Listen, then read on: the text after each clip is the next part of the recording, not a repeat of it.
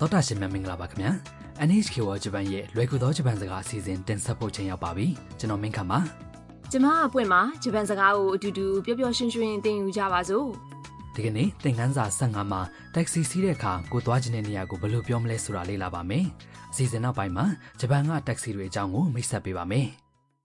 တရုတ်နိုင်ငံကလာတဲ့ဓာတ်ပုံဆီယမမီယာဟာရေပူစမ်းတွေကိုဓာတ်ပုံရိုက်ဖို့အတွက်နာဂနိုခရိုင်ကိုရောက်နေပါတယ်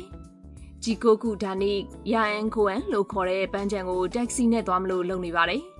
ဆောင်းတွင်းဆိုရင်မြောက်တွေရေပူစမ်းလာစိန်တဲ့နေရာဆိုပြီးနာမည်ကျော်လေပက်ဆီယာနေရာဖြစ်ပါတယ် ကဲသင်ခန်းစာ15အတွက်ဇာတ်လမ်းကိုနားထောင်ကြည့်အောင် どちらまで猿の温泉までお願いしますはいわかりました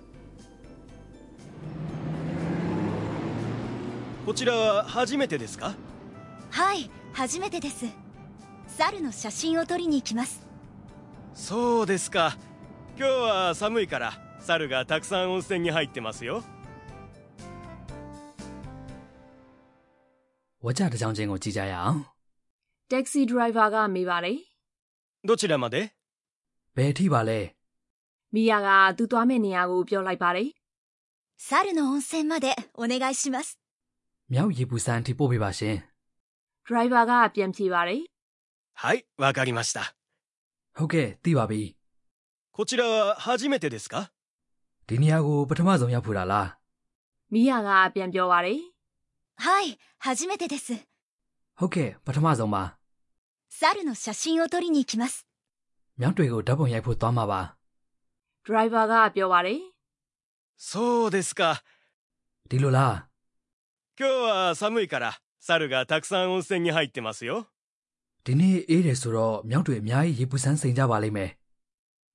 ရေပူစမ်းစိန်နဲ့မြောက်တွေဆိုတာကဂျပန်ခေါ်နီဟွန်းစာလူအမျိုးအစားပါ။ဂျပန်မြောက်လို့အဓိပ္ပာယ်ရပါတယ်။ဒါပေမဲ့သူတို့ကို Snow Monkey ဆိုတဲ့နာမည်နဲ့နိုင်ငံခြားမှာလည်းသိကြပါတယ် ဒီပန်းချံကတောင်တွေကြားထဲမှာရှိတာပါတက္ကစီတို့ဘတ်စကားတို့နဲ့သွားပြီးရင်နောက်ထပ်နိုင်ဝက်လောက်လမ်းလျှောက်ရပါတယ်နင်းတွေပုံနေအောင်ကြားတဲ့အချိန်ဆိုရင်တော့အဲ့ဒီပန်းချံကိုရအောင်သွားရတာကအစိန်ခေါ်မှုတစ်ခုပါပဲဒါတောင်မှနိုင်ငံခြားသားဧည့်သည်တွေကရအောင်သွားကြတာ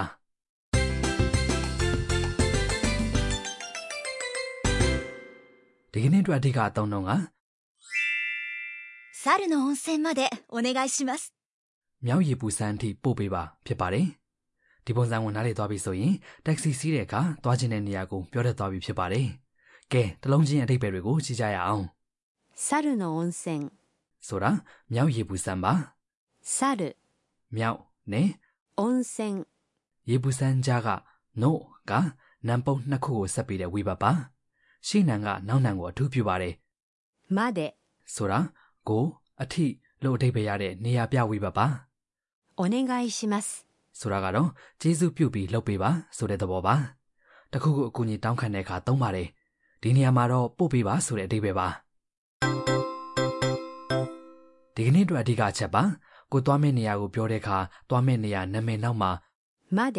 ကိုထည့်ပြီး お願いします နဲ့တွဲပြီးပြောရပါမယ် ။သရရှင်တို့ရေအခုနားထောင်ပြီးနောက်ကလိုက်ပြောကြည့်ပါဦး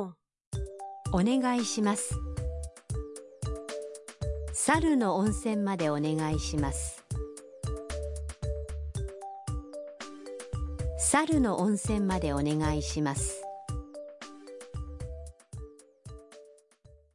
သရရှင်တို့လိုက်ပြောလို့ရကြတယ်မဟုတ်လား။ ။တက္ကစီဒရိုင်ဘာနဲ့ခီးသည်တို့ပြောနေကြတဲ့ဥပမာစကားပြောကိုလည်းနားထောင်ကြည့်ပါဦး どちらまでですか空港までお願いします ။အဓိပ္ပာယ်တွေကိုကြည့်ရအောင် どちらまでですか ဘယ်အထိပါလဲ どちらまで ။မှာပါတဲ့ どちら ဆိုတာအမေစကားလုံးပါ။ どこ ဘယ်ဘယ်နေရာကိုပို့ပြီးရင်ရင်ကြည်ကြည်ပြောတဲ့အသုံးအနှုန်းဖြစ်ပါတယ်။ခရီးသည်ကအခုလိုပြန်ပြောပါတယ် 空港までお願いします လေစိတ်အထိပို့ပေးပါ 空港 ။ဆိုတာလေးစိတ်ပါ။ခူကိုမှပါတဲ့ဥနဲ့အိုကိုအတန်ဆွဲပြီးအတန်ရှည်နဲ့ပြောရပါမယ် အခုပြောကြည့်ကြရအောင် 空港空港までお願いします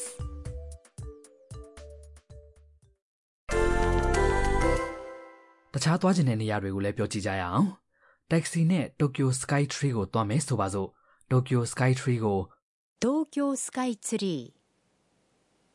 東京スカイツリ လို့ပြောပါတယ်ကဲပြောကြည့်ရအောင်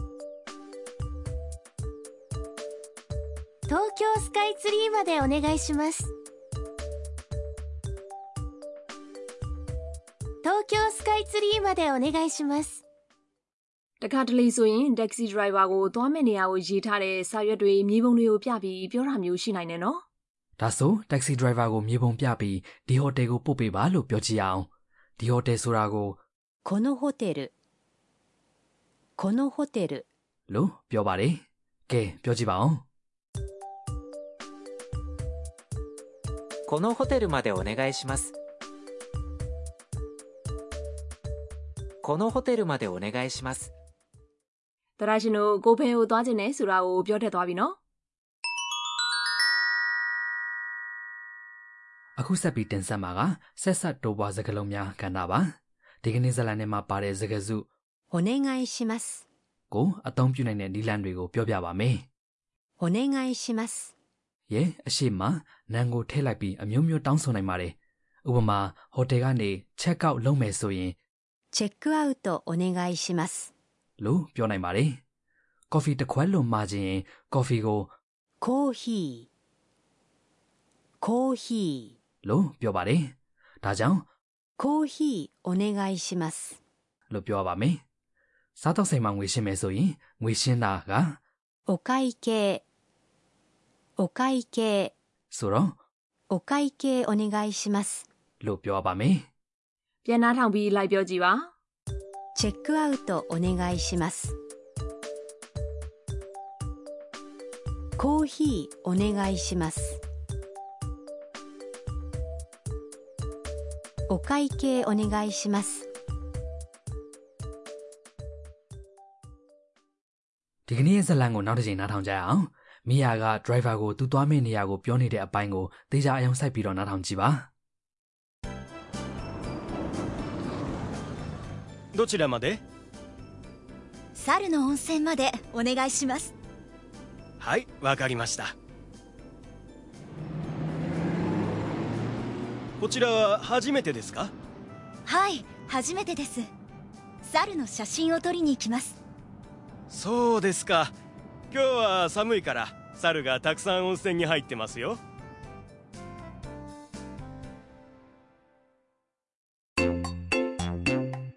春さんの知恵袋 ဟာရီဆန်ရဲ့ဘူးတုတဟင်းလေးကိုကဏ္ဍဖြစ်ပါတယ်ဒီနေ့တော့ဂျပန်ကတက္ကစီတွေအကြောင်းကိုပြောပြပါမယ် ။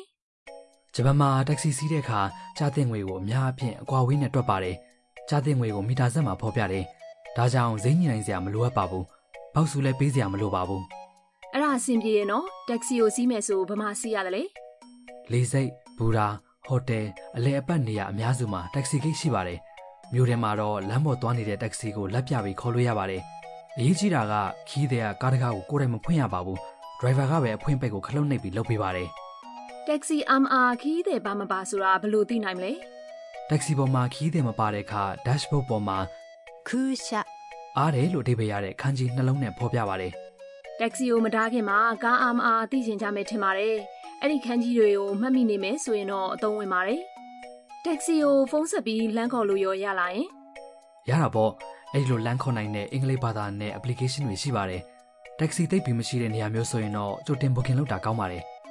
တက္ကစီတွေကအဆင်ပြေတယ်ဆိုပေမဲ့မြို့ကြီးပြကြီးတွေမှာကားတွေချက်တာမို့ကိုသွားချင်တဲ့ခီးကမျောလင့်တာတဲ့အချိန်ပို့ကြနိုင်တယ်နော် ဟုတ်ပါတယ်။ဒါကြောင့်ကိုခီးစဉ်ဆွဲရမှာအချိန်ကိုနည်းနည်းပိုယူထားတာကောင်းပါလိမ့်မယ်။နောက်ပြီးခီးအချိန်ကြာရင်လည်းတက္ကစီကပတ်စံပို့ပြီးကြားတတ်တယ်ဆိုတာကိုသိထားသင့်ပါတယ်။တော်တာရှင်တို့ဒီကနေ့ရဲ့လွယ်ကူသောဂျပန်စကားအစီအစဉ်ကိုနှစ်သက်ကြမယ်ထင်ပါတယ် ဒါမဲ့သင်ငန်းစာကတော့မိရတယောက်မြောက်ရေဘူးစန်းကိုရောက်တဲ့ဇဝင်ငန်းပါဘာတွေဖြစ်အောင်မလဲသိရအောင်နောက်တစ်ပတ်မှာပြန်ဆောင်ကြမယ်နော် ။